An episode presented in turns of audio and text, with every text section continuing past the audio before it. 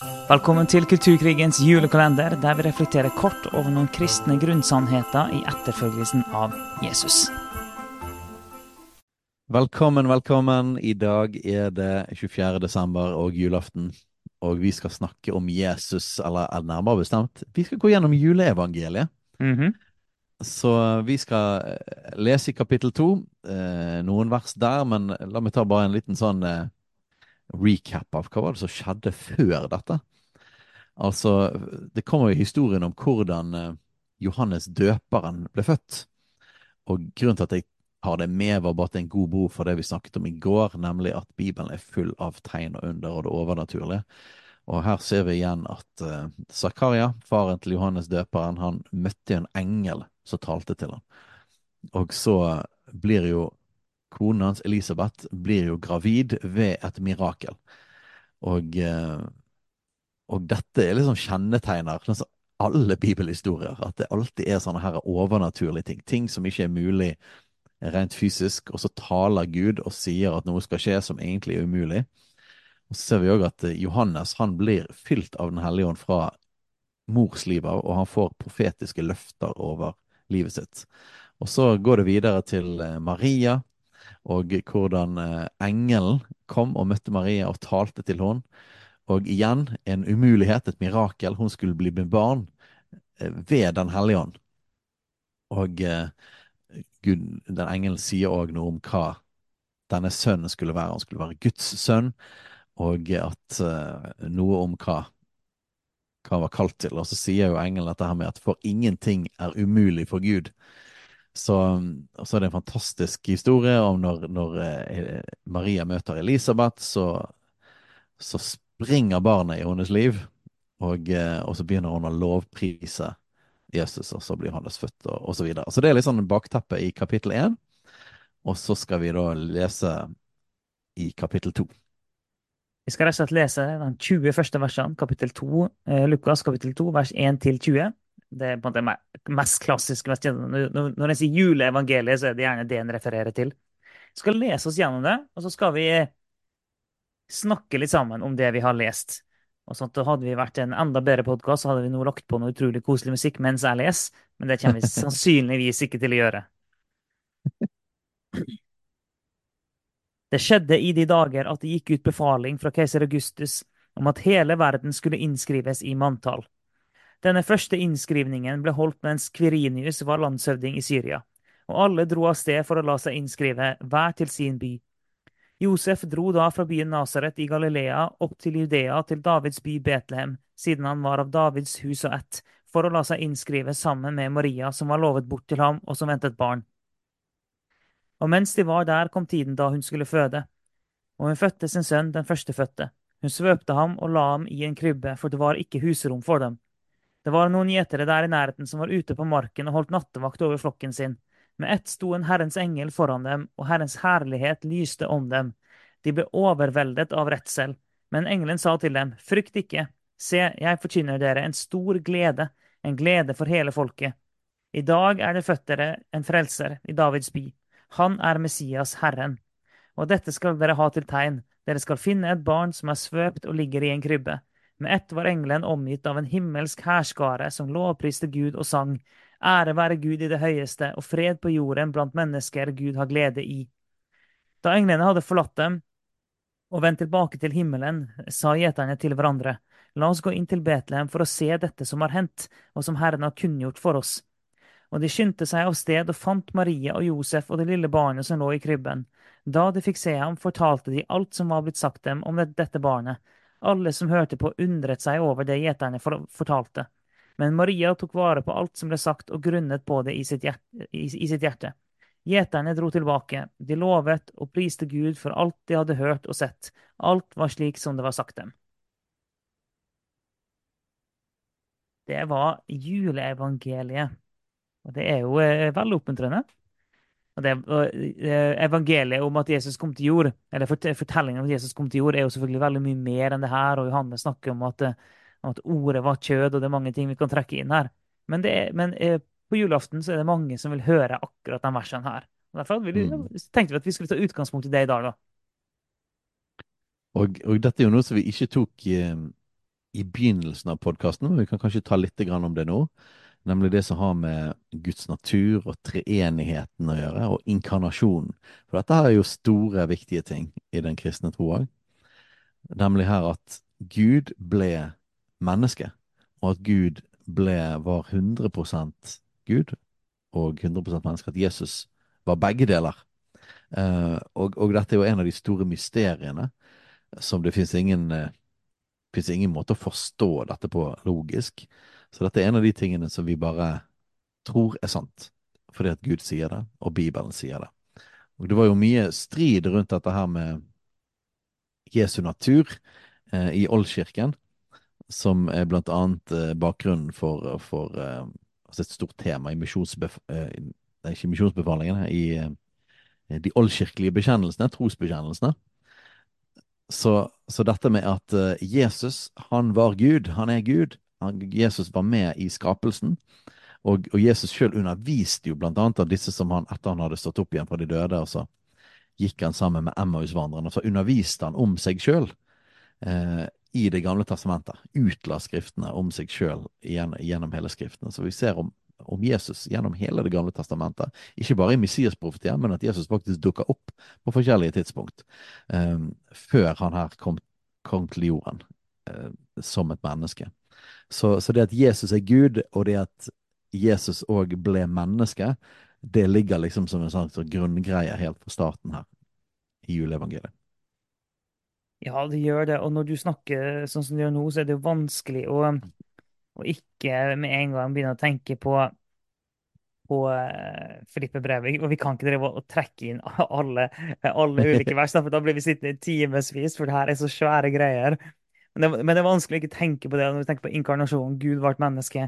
Og i Filippe-brevet 2, når det står om at eh, han var i Guds skikkelse, eh, og så det ikke som et rov å være Gud lik, men ga avkall på sitt eget, tok på seg tjenerskikkelse og et menneskelik. Da han sto fram som menneske, da jeg forstått det videre, bare etter fødselen, da, men fornedra han seg sjøl og ble lydig til døden, ja, døden på korset. Derfor har òg Gud opphøyd han til det høyeste, gitt han navnet over alle navn. Um, og det var hvor stort det er, det her faktum, at Gud ble menneske. Og det må vi aldri glemme når vi feirer jul. Gud ble menneske. Og hvis det er en setning som ikke berører oss på noe vis, så må vi bare be. For det, det Vi må Vi må um, grunne på det her mysteriet. Altså, og det, det, er noe fint med det å føle på en måte sesongene. I juletider så bør vi grunne på det. Inkarnasjonen, Gud vært menneske. Når det er påske, så bør vi fryde oss over evangeliet og grunne på, på oppstandelsen. Og det, det, er noe fint med å følge følge de her sesongene sånn sett. Og så ser vi historien Jeg har jo hørt eh, hører en del på en eh, podkast som heter eh, The Rest Is History. Uh, og han ene der han er jo spesialist på antikken og på Romerriket. Og de snakker veldig ofte om keiser Augustus, da. Uh, og det er litt sånn morsomt for en kristen som har liksom kan dette her juleevangeliet. og Augustus, Du bare forbinder liksom Augustus med, med liksom han som ble nevnt der, da. Mm. keiser Augustus. Men, men du forsto det sånn at keiser Augustus uh, var jo den første på en måte litt sånn derre romerske Virkelige romerske keiseren. Og før det så var det jo republikk, og så hadde du Cæsar og alt rotet som skjedde rundt der. Men, eh, og det er jo Julius Cæsar eh, begrepet keiser kommer fra. Men, men eh, og, og, det var han som brøt med republikken, romerske republikken, og, og, og, ble diktator først. Men det var først keiser Augustus som var den virkelige, fullblodige romerske keiseren. Eh, som alle de andre etterpå er modellert etter. Så det er så fascinerende at det som var en så stor event i Romerriket, at det var akkurat da Jesus ble født. Det er så mm. interessant når de snakker om Romerriket, og tenker på at her, her var det Jesus ble født inn i. Det, det står òg at, at i tidens fylde. Eh, og, og eh, det er noe med at det var ikke tilfeldig når Jesus kom. Eh, han kom inn i Romerriket i tiden av romersk okkupasjon, men der det òg var et uh, felles gresk språk. Det var noen som kunne latin òg, men hovedsakelig gresk. Uh, det var uh, alle har sikkert hørt om dette, at alle veier fører til Rom.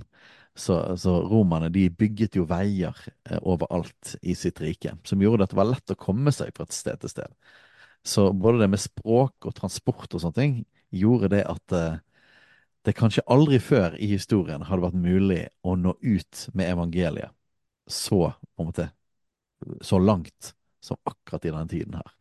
Eh, og det, det tror vi har noe med saken å gjøre. Så dette her med at eh, det gikk ut en befaling fra keiser Augustus, eh, det er ikke helt tilfeldig eh, at, at eh, Jesus kom akkurat på den tiden her. For å ta det fra en helt annen vinkel, da. En ting jeg syns er, er interessant med historien her, er hvordan du finner en parallell til oppstandelsen.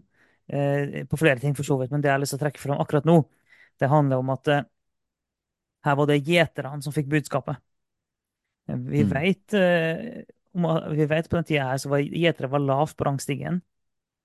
Var, det, var, det, var ikke vel, det var ikke noen vel ansette yrkesgruppe. Ikke en gruppe med veldig høy troverdighet. Men det var den som fikk åpenbaringa. Det var den som Mm. fikk beskjeden. Det var den som fikk kunngjøringa fra Gud sjøl, fra himmelen. Det var dem som fikk kunngjøringa. Jesus er født. Og når vi går til oppstandelsen, da ser vi hvem var det som fikk kunngjøringa om at Jesus har stått opp? Og det var en kvinne. Og på den, Mm. tida der, kvinne, lavt på rangstigen, et vitnesbyrd som ikke var til å stole på. Det var sånn de var ansett. Det er bare helt utrolig fascinerende at både ved Jesu fødsel og Jesu oppstandelse så er det noen som er lavt på rangstigen, noen som har et vitnesbyrd som ikke blir, eh, ansett som verdifullt. Det er dem som får sjølve kunngjøringa fra Gud om at eh, her har det skjedd noe stort. Altså, Hvorfor i all verden kunne han Han, brukte ikke på de beste kanalene, han brukte de verste kanalene. Ja. Både med fødsel og med oppstandelse. Han kom ikke til de rikeste, han kom ikke til de mektigste, han kom ikke til de som var lengst oppe i systemet først. Og dette er jo veldig bra eh, å, å dra inn liksom i kulturkrig-kontekster. da. For vi snakker jo både om Vi snakker imot marxismen, eh, og, vi, og vi snakker imot feminismen. Og, og det interessante er at ah, det er jo egentlig litt dumt at vi må gjøre det, eh, men det er jo fordi at marxismen drar inn de fattiges opprør eh, og kamp mot de som er over. Mens det, det kommer aldri i Jesus. Det, det bekrefter aldri Jesus. Det er på en måte ånden i det, denne kampånden i det som er problemet for oss. Og, og feminismen igjen eh, er på en måte en sånn kampgreie imot menn. Kjønnskampen. Og det blir òg imot Guds skaperordning og Guds tanke om at det skal være enhet mellom mann og kvinne. Eh, så derfor kritiserer vi jo disse tingene her, og i kulturkrigen så på en måte har vi dratt mange av disse tingene veldig langt. Men, men, men Bibelen er samtidig veldig tydelig på at han løfter opp de fattige. Løfter opp kvinnene. Løfter opp de som er liksom utenfor samfunnet. Um, og gir verdi til dem. Um, og, og Jesus åpenbarer seg for dem. Og her så ser du at englene kom nettopp til dem. Så, så, og, og nettopp derfor er det kanskje lett å falle for en del av disse ideologiene. Eh, men utfordringen med det er at de, de, de skaper en, en Det er denne klassekampgreien, det er denne eh, krigsgreien og opprørstingen, og bryte alle rammene, som, som eh, Bibelen er veldig tydelig imot. Mens hjertet for de utslåtte, hjertet for de svake, hjertet for, for, for de som har lav status, det er faktisk en veldig kristen tanke. Eh, og det ser vi igjen her, som du sier, da, i, i både juleevangeliet og i oppstandelsen. Så, så dette trenger vi å løfte opp. Det er en del av en kristen forståelse av at vi, vi eleverer, vi løfter opp de som har lav status, og Gud Mm. gir verdi til dem. Ja, og det er på en måte en del av hele det her evangeliet om at, at eh, Gud kommer til den som ikke fortjener det. Ja. Så det, det er evangeliet. Altså, det, det handler ikke om hvem som fortjener det. det. Det handler først og fremst om hans respons. Eller hans respons, ja. Eh, Det er om hans eh, handling. Det er vi som responderer. Han, det er ikke han som responderer. Han, han Hans initierer. initiativ. Ja, det er hans initiativ, og vi responderer. Det er det som går igjen igjen. Han tar initiativ. Han bøyer seg ned. Han blir menneske. Han kommer til de fattige, osv.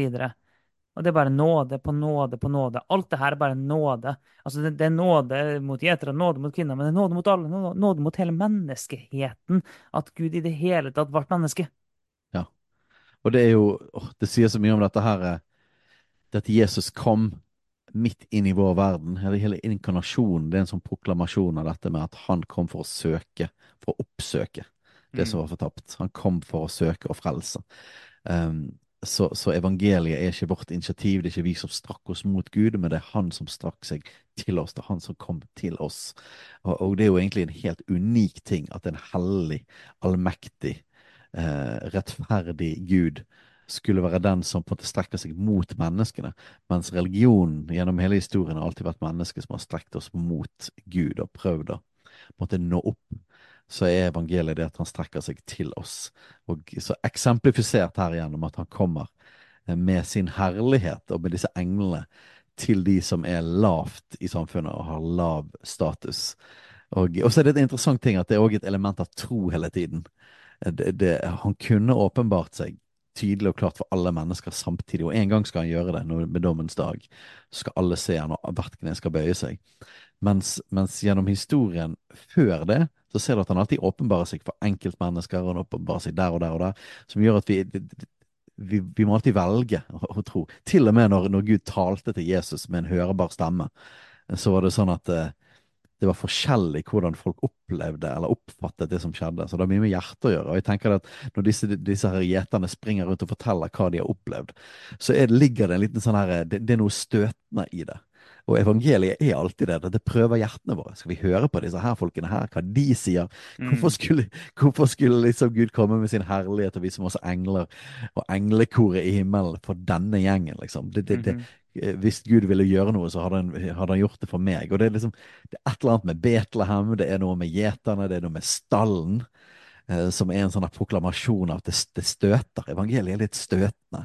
Og Gud kommer liksom inn i det usannsynlige, det lave, det svake. Ja, og det, det, det gir meg jo en sånn utfordring til meg sjøl, og forhåpentligvis til alle som hører på, om at i, i vår hverdagslige, daglige etterfølgelse av Jesus, så trenger vi å kjenne han så godt at vi klarer å gjenkjenne han gjennom eh, mennesker som kan, det kanskje ikke er åpenbart for oss at er bærere av han.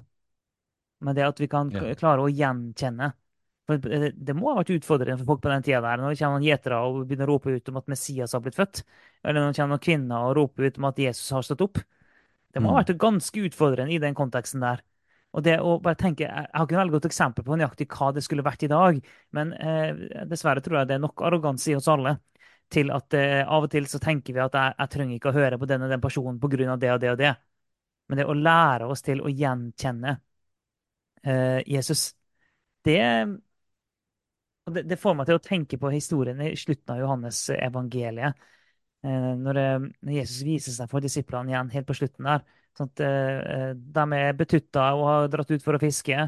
Og eh, Jesus han er, på stranda, og de kjenner han ikke igjen. og Så spør han har dere fått fisk. Han sier nei. Og så sier han nei, må kaste garnet på andre sida og hele pakken der. Og så får jeg masse, masse fisk. Eh, og de da eh, skulle, de hadde fått så mye fisk, fisk, så står det i Johannes 21, eh, vers 7, da står det disippelen som Jesus hadde kjær, sa da til Peter, det er Herren. Da Simon Peter hørte at det var Herren, bandt han kappen om seg og, eh, og kasta seg ut i sjøen. Men poenget mitt her er at de kjente han ikke igjen. Men den som kjente, plutselig kjente Jesus igjen, det var Johannes. Det var den disippelen som Jesus hadde kjær. Det var den disippelen som lente seg inn til brystet eh, ved det siste måltidet.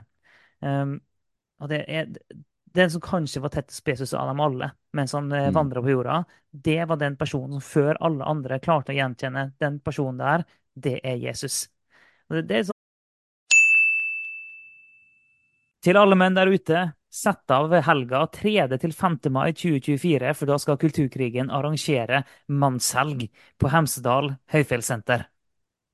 Da skal vi gå inn i eh, mannstematikk koblet til kulturkrigen. Altså, hvordan er det å være mann i denne krigen vi står i i samfunnet, og hva er faktisk vårt ansvar og vår rolle? Så hvis du syns det er interessant, og hvis du liker å høre på denne podkasten her, så går du til fjells.no og melder deg på mannshelg med Kulturkrigen 3. til 5. mai. Gjør det Vel. nå. En en utfordring til oss òg, det her med å klare å gjenkjenne Jesus. Ja, nydelig. Eh, en ting som er sånn rart med juleevangeliet, det er det at siden vi alltid gjennom hele vårt liv har hørt det, liksom settingen av eh, desember og mørkt og kaldt og kanskje litt snø og julesanger og sånn, så, så blir jo det, blir det på en måte romantisert, sant? og det er umulig å unngå. Um, men for meg så var det plutselig en oppdagelse for en del år siden at jeg plutselig leste gjennom eh, Lukas 1 og 2 på et helt annet tidspunkt på året. Så plutselig så var ikke julesangen og snøen og julestemningen der og lukten av pinnekjøtt. Eh, og, da, og, da, slår det meg plutselig at dette her er jo en utrolig crazy historie av en sånn overnaturlig inngripen fra Gud, eh, som skjedde liksom midt i deres hverdag. Altså, de hadde jo ingen julestemning når dette skjedde. Snø var det heller ikke. Eh, og mest sannsynlig skjedde det ikke i desember heller. Ja, ja. Så, så liksom her har du bare noen, noen gjetere ute, og så plutselig så åpner altså himmelen seg. Først står det en engel der, men så åpner himmelen seg, og det er en himmelsk hærskare. Altså, vi snakker her om det heftigste, på en måte, åpenbaringen av himmel og eh, engler eh, noen gang, kanskje før i historien. Eh, og, og, det eneste som kan nærme seg, nærme seg, er jo på en måte det Johannes ser, som beskriver Johannes' åpenbaring. Mm.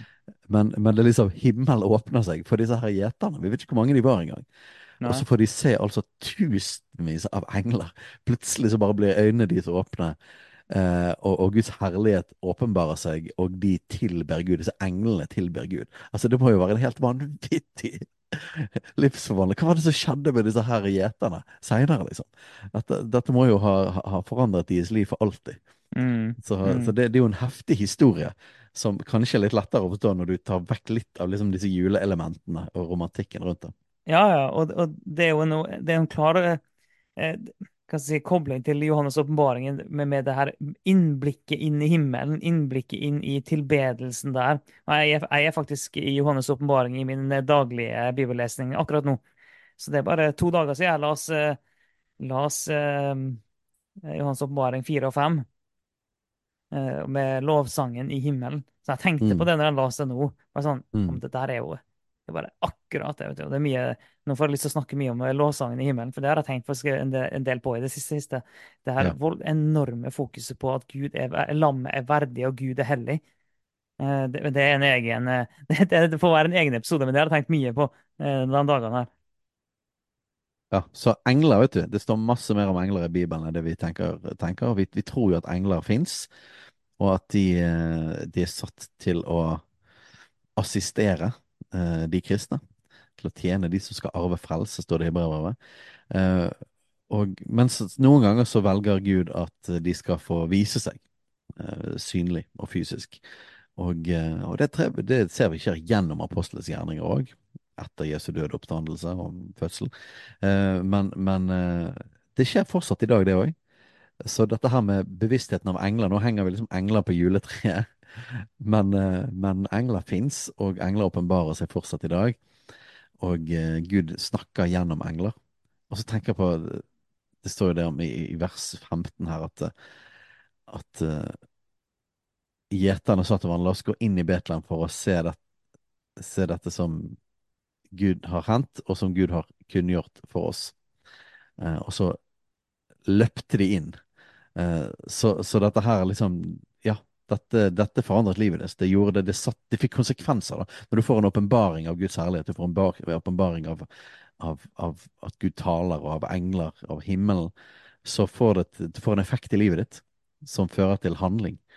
Uh, og det hadde vært veldig interessant å bare høre med, hvis, uh, hvis disse her folkene ble etterfølgere av Jesus, og høre litt sånn her Hvordan preget det livet deres for alltid? At de fikk både se disse englene, og så fikk de være blant de første som faktisk fikk se Jesus Kristus mm. som baby.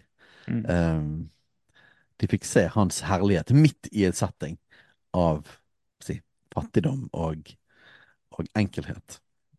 Men tenk på Tenk den her voldsomme kontrasten da, fra eh, vers 9 med, med ett sto en Herrens engel foran dem, og Herrens herlighet Bare, sånn, bare der kan du stoppe.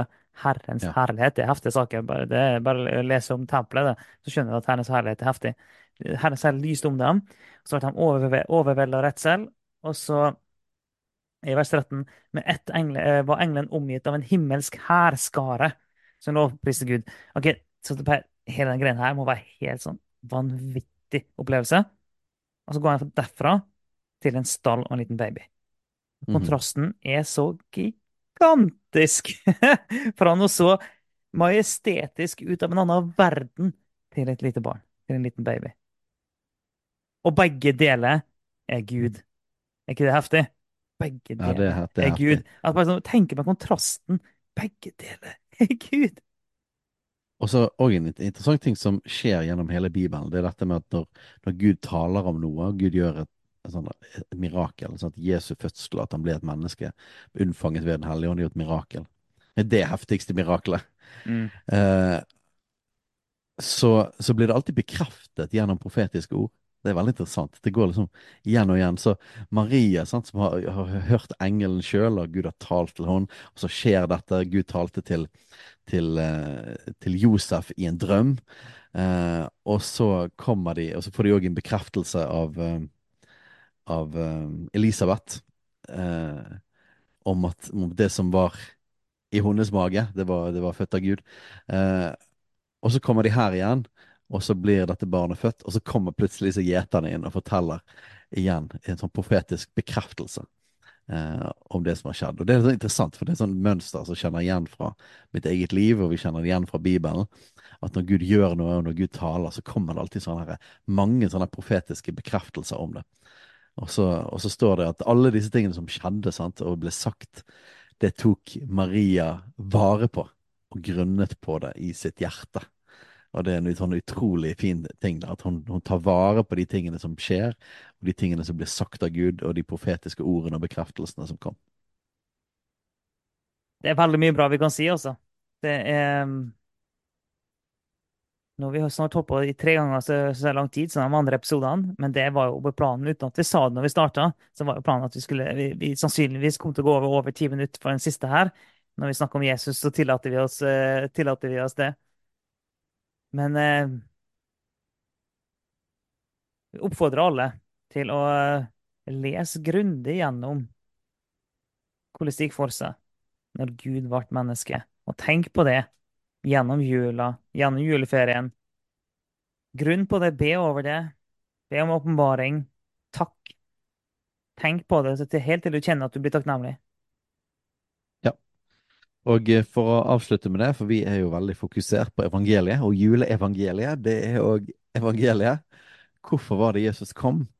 Eh, jo, han kom for å oppsøke, for å søke og frelse det som var fortapt. Det var derfor han kom til jorden. Som en baby, som et menneske.